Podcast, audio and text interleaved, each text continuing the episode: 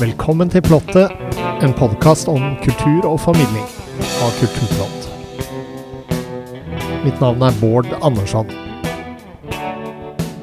Hver dag til og med julaften så får vi besøk av aktuelle artister innenfor mange spennende sjangere. Det skal også handle om kristendom. Vi får møte personer som er kjent innenfor ulike felt, som skal snakke om sitt forhold til kristendom. Det blir en spennende advent. Vi kjører i gang.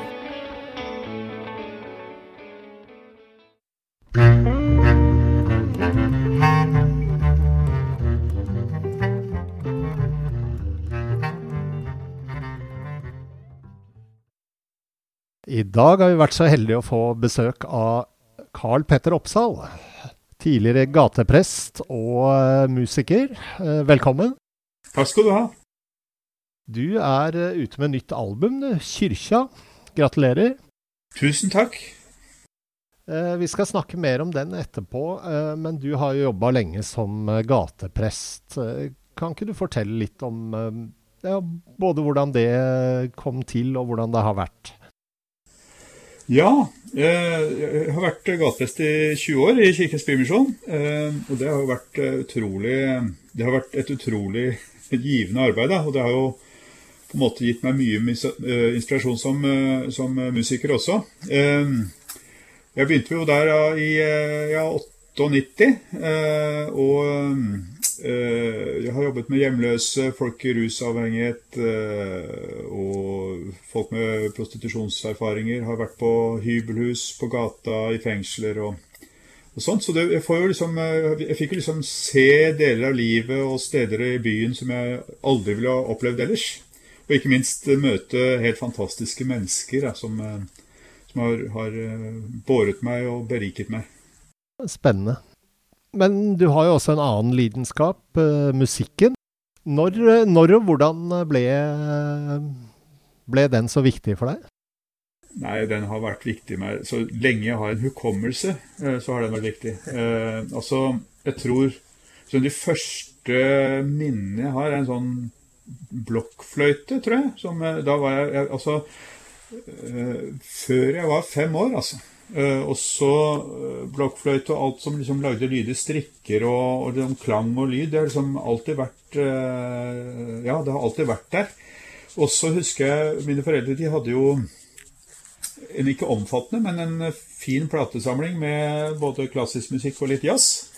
Så husker jeg særlig da to, eh, altså en, en singel med Louis Armstrong, hvor det var en klarinettist, Edmund Hall, som gjorde kjempeinntrykk på meg. Og så var det en EP med Dizzie Gillespie eh, og, og hans sto- storband. Eh, og, det- og ikke minst sang veldig morsomt, da. Ole Co. Og, altså, jeg kan ikke gjenta det, men, men det var, det, var, og, altså, det var liksom klangen og, teksturen i musikken som gjorde veldig sterkt inntrykk på meg da. Så det har vært en lidenskap er liksom, Jeg tror det er liksom en liksom helt definerende del av meg. Eh, før jeg er noe annet, så er jeg, så er jeg musikk, på en måte. Når var det du skjønte at, eh, at du kunne lage musikk og, og utvikle det? Ja, altså jeg begynte jo i korps, og så spilte jeg klarinett der. Og så etter hvert så begynte jeg liksom å spille til plater og, og sånt. Og så ble jeg med i Caledonia Jazzband. Eh, da var jeg vel sånn øh, ja, 17 år eller noe sånt nå, og da begynte jeg liksom å skjønne at jeg kunne, at, at jeg kunne liksom gå, ha spillejobber og sånn. Og så, og så veldig tidlig så begynte jeg også å skrive musikk. Først så bare plasserte jeg noter på et noteark som jeg syntes var fint. Men etter hvert så begynte jeg å lage litt sånn små melodier og sånn, da. Eh, og, og etter hvert så utviklet det seg til å bli eh, ja, masse, mange låter. har Jeg skrev min liksom første jazzmesse nokså raskt etter at jeg kom med i Caledonia. Og så etter hvert som jeg lærte Jeg, jeg, jeg skriver jo ikke partiturer og sånn, jeg skriver eh, låter, og, og det tok litt tid før jeg lærte det med harmonier og sånn. Men det, det har liksom vært en lang prosess. Men eh, nå er eh, låtskriving liksom en viktig del av, av det å være musiker. Ja. Men ja, sånn, sånn i ja, slutten av tenårene så, så var, ble, ble liksom musikk en, eh, en del av min levevei. da. Jeg feirer jo 40-årsjubileum som, eh, som profesjonell musiker. Det er ikke verst. Du er ikke så gammel, er du det? Nei, jeg er 58, så jeg starta da jeg var 18 år. Og jeg spilte jo litt før det, men det var liksom når Caledonia ble etablert, da hadde vi allerede spilt sammen uh, under et annet navn. Men, uh, men da, det, jeg tenker at det er et ganske fint sånt uh, skille... ja, en, en, en, sånn skillestein, da. Jeg hørte litt på singelen din, blant dronninger og profeter. Ja. Som er på albumet Kyrkja. Ja. Og der nevnte du vel i et presseskriv eh, møtestedet. Ja. Eh, det har tydeligvis vært viktig for deg. Kan ikke du si litt om hva det er, og hvorfor det inspirerte låta? Ja, Nei, Det er en kafé som Kirkens Bymisjon driver, og, og hvor jeg da jevnlig har hatt uh, gudstjenester, og, og, også sånn krovakter og, og sånt. Og, og, det er Jeg på å si, det er jo essensen av av det jeg har gjort som gateprest, da, at, jeg, at, der har jeg truffet mange mennesker. Og også selv når jeg liksom har følt meg litt sånn eh, nede, så har det vært et sted som har, eh, som har eh, båret meg. Det er, det er jo det er et sted for hjemløse, rusavhengige og, og sånt. Det, det, som vi sånn euforisk kaller, eller sånn, kaller for gatas folk. da. Ja. Og det er et sted som liksom satser på god mat og pene omgivelser og en hyggelig Det skal liksom være en ordentlig kafé. da.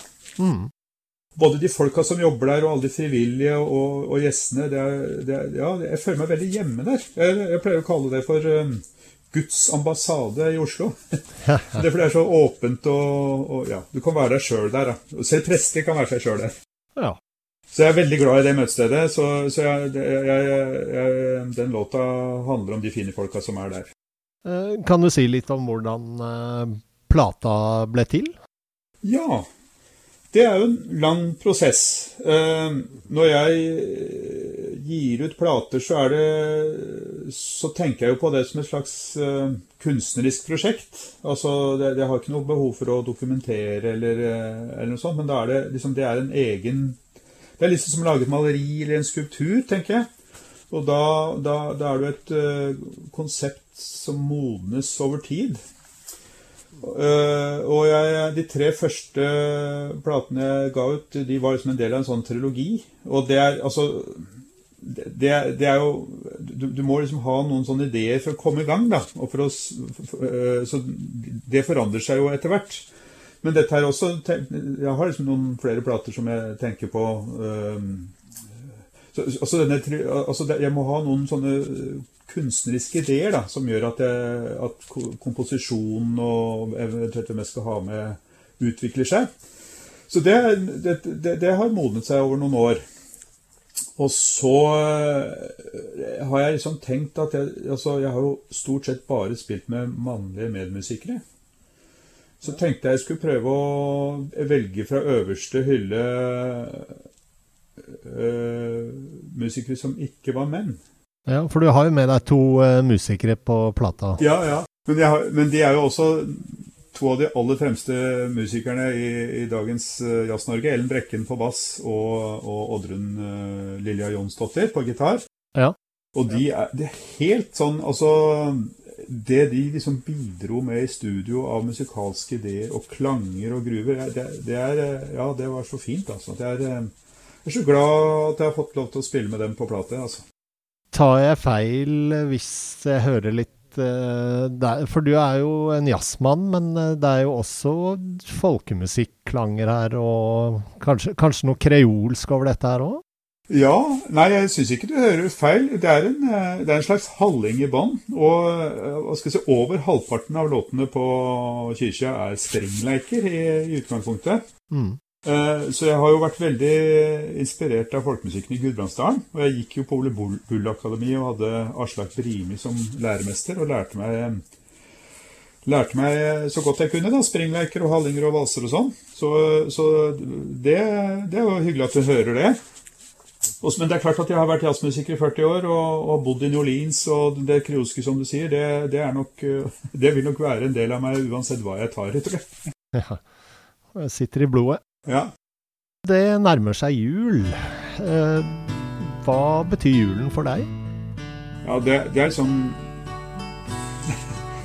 Jeg syns det er vanskelig å sette ord på det. Det det er jo på en måte den viktigste uh, tida uh, for meg som gateprest, har det vært det. Uh, og, og, og, det handler jo litt om det, det at Gud blir menneske. og i, liksom med all den forskjellighet som finnes blant mennesker, det er så sterkt for meg da. At Gud ikke er liksom noe som er langt og fjernt borte, men at Gud blir en del av oss. Det er, det er en det er en stor ting. Og det å da tenke at uh, møtestedet f.eks. kan være litt sånn som uh, stallen, uh, et sted som tar imot da, uh, folk som er på vandring. Ja. Jeg, for meg, jeg syns nok den familiedelen av jula kanskje har vært den, den litt mer kompliserte. For der, der, spiller ting seg ut, ikke sant, med hvor skal vi være der og, eller der og sånn. Så jeg har alltid Eh, feiret julaften i Tøyenkirken eh, sammen med mange andre som jeg ikke kjenner. Eh, eller noen som jeg kjenner, og noen som jeg ikke kjenner. Og det, det, har, det, det fellesskapsaspektet ved jula, det syns jeg er viktig, da. Mm. Så det er, det er, også det å Adventstida og det å gå og, og forberede seg på, på fellesskap og, og på at uh, Gud kommer til oss, det, det er en, en, en, fin tid. En sterk tid. Det er også mye som skjer i jula òg, av, av, eh, hyggelige møter og, og sånn. Så ja, nei, det, det, er en tid som betyr mye for meg. Fram mot jula så har du vel også noen konserter, har du ikke det? Jo, jeg har mange konserter. For, for det meste solokonserter, da. Eh, så jeg har, eh, skal reise litt rundt og spille hovedsakelig kirker, men også på noen institusjoner og, og, og sånt. For jeg, jeg føler at det er litt at det er en viktig del eh, av mitt musikervirke at jeg eh, ønsker å formidle musikk til folk som kanskje ikke uh, har råd til å gå på konserter, og, og, eller har mulighet til å gå, gå på konserter. Så det å, det å, spille på litt sånn forskjellige steder, det, det er viktig. Så jeg, jeg, det er ganske tett, tett med konserter nå i adventstida. Det er det. Ja. Det var veldig hyggelig at du kunne komme til Plott, Karl Petter. Uh, nå spiller vi låta blant dronninger og profeter. Tusen takk. Det var veldig hyggelig å være her.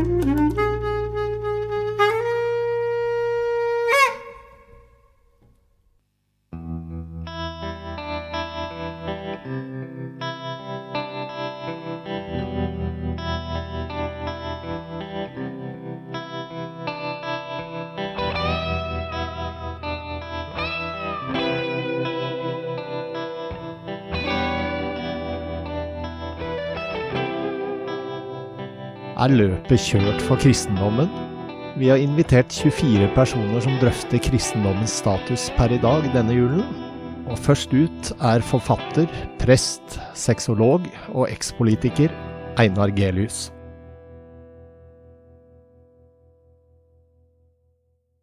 Er løpet kjørt for eh, kristendommen? Er det en sovende religion? Eller har den en potensiell sprengkraft? Eh, og dette er jo vanvittig store spørsmål å stille. Jeg har eh, jobbet som prest i 36 år. Og det jeg har gjort i alle disse årene, jeg har i hvert fall prøvd, det er å eh, formidle en tro.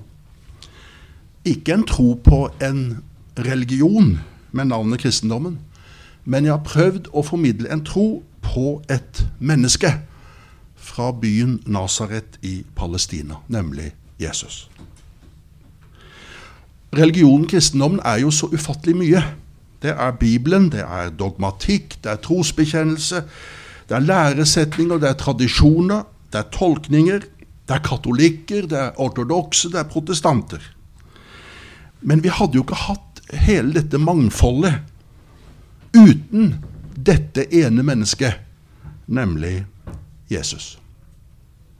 Det er mannen fra Nasaret som er troens sentrum, og som er troens kjerne. Og Jesus.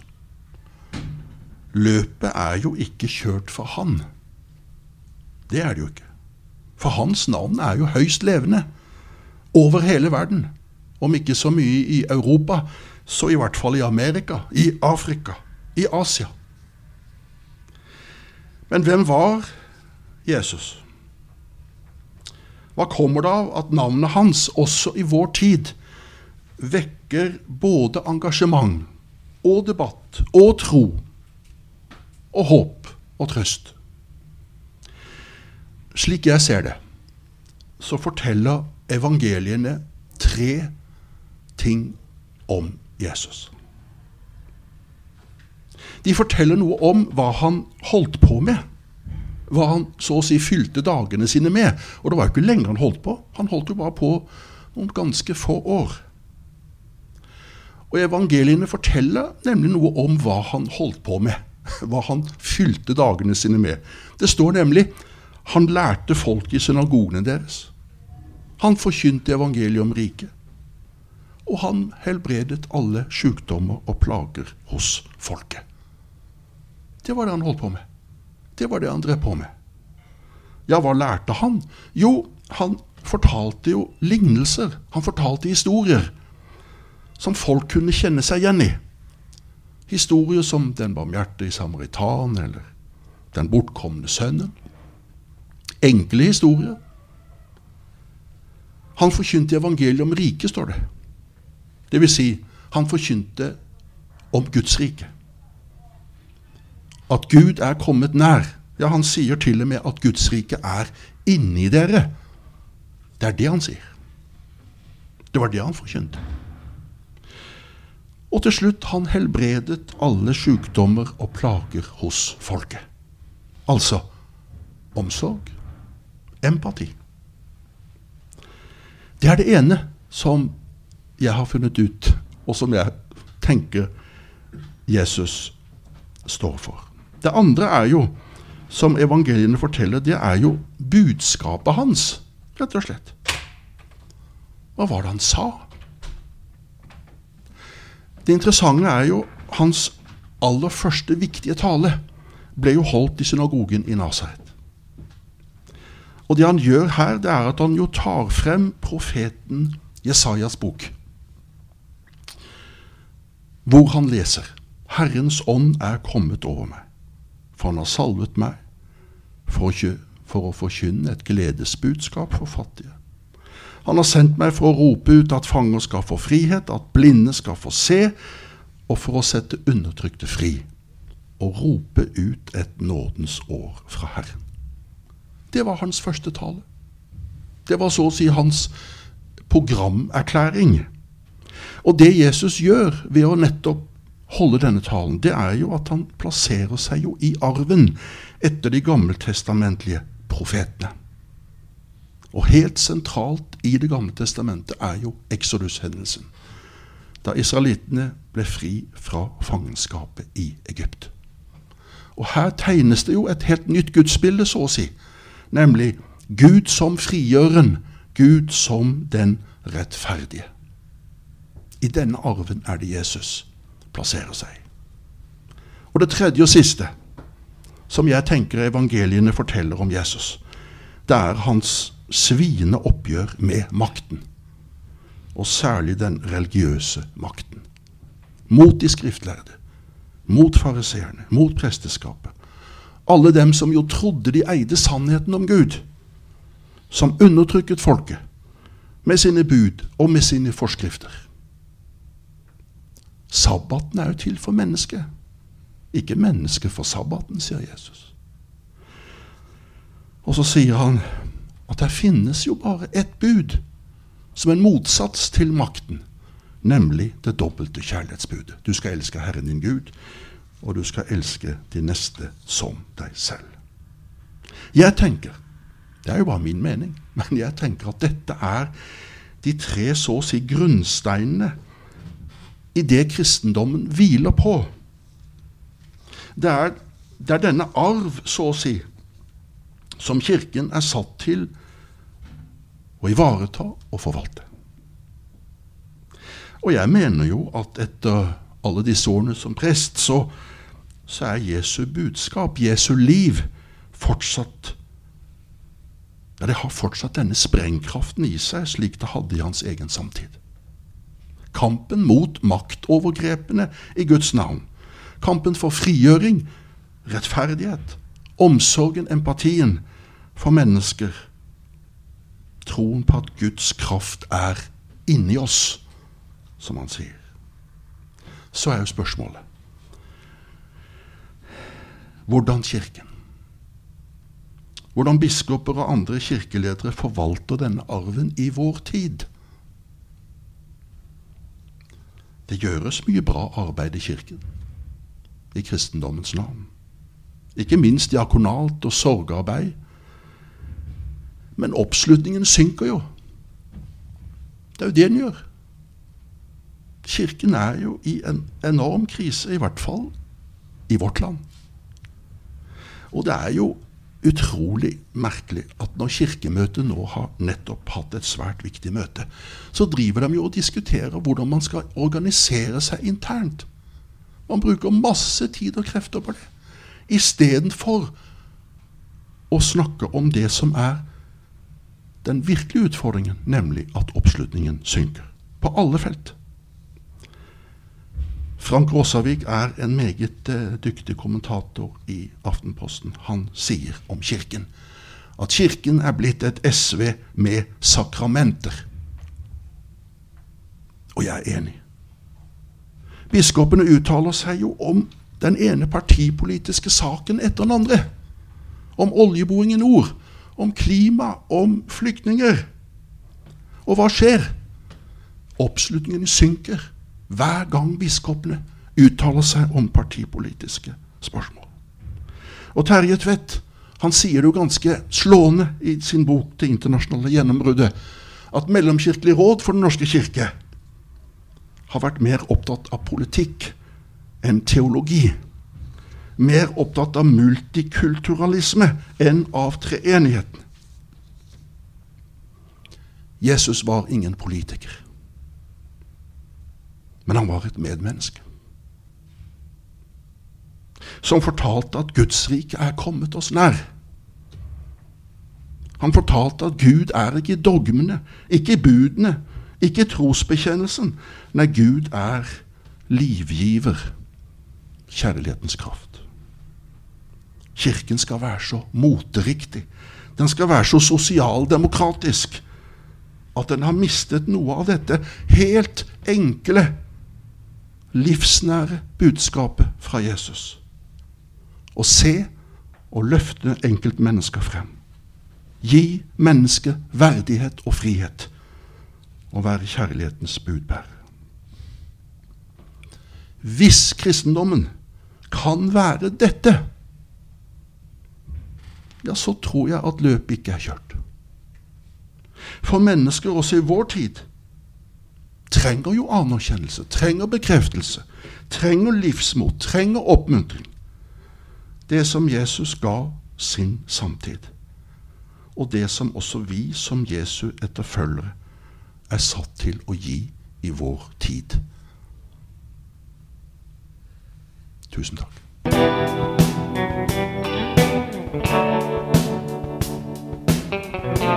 Følg med på alt som skjer i kulturverdenen på kulturplott.no. Der finner du også et tilbud på Kulturplott og magasinet Samtiden på 150 kroner for seks måneder. Programleder og teknisk ansvarlig for denne sendingen var Bård Andersson.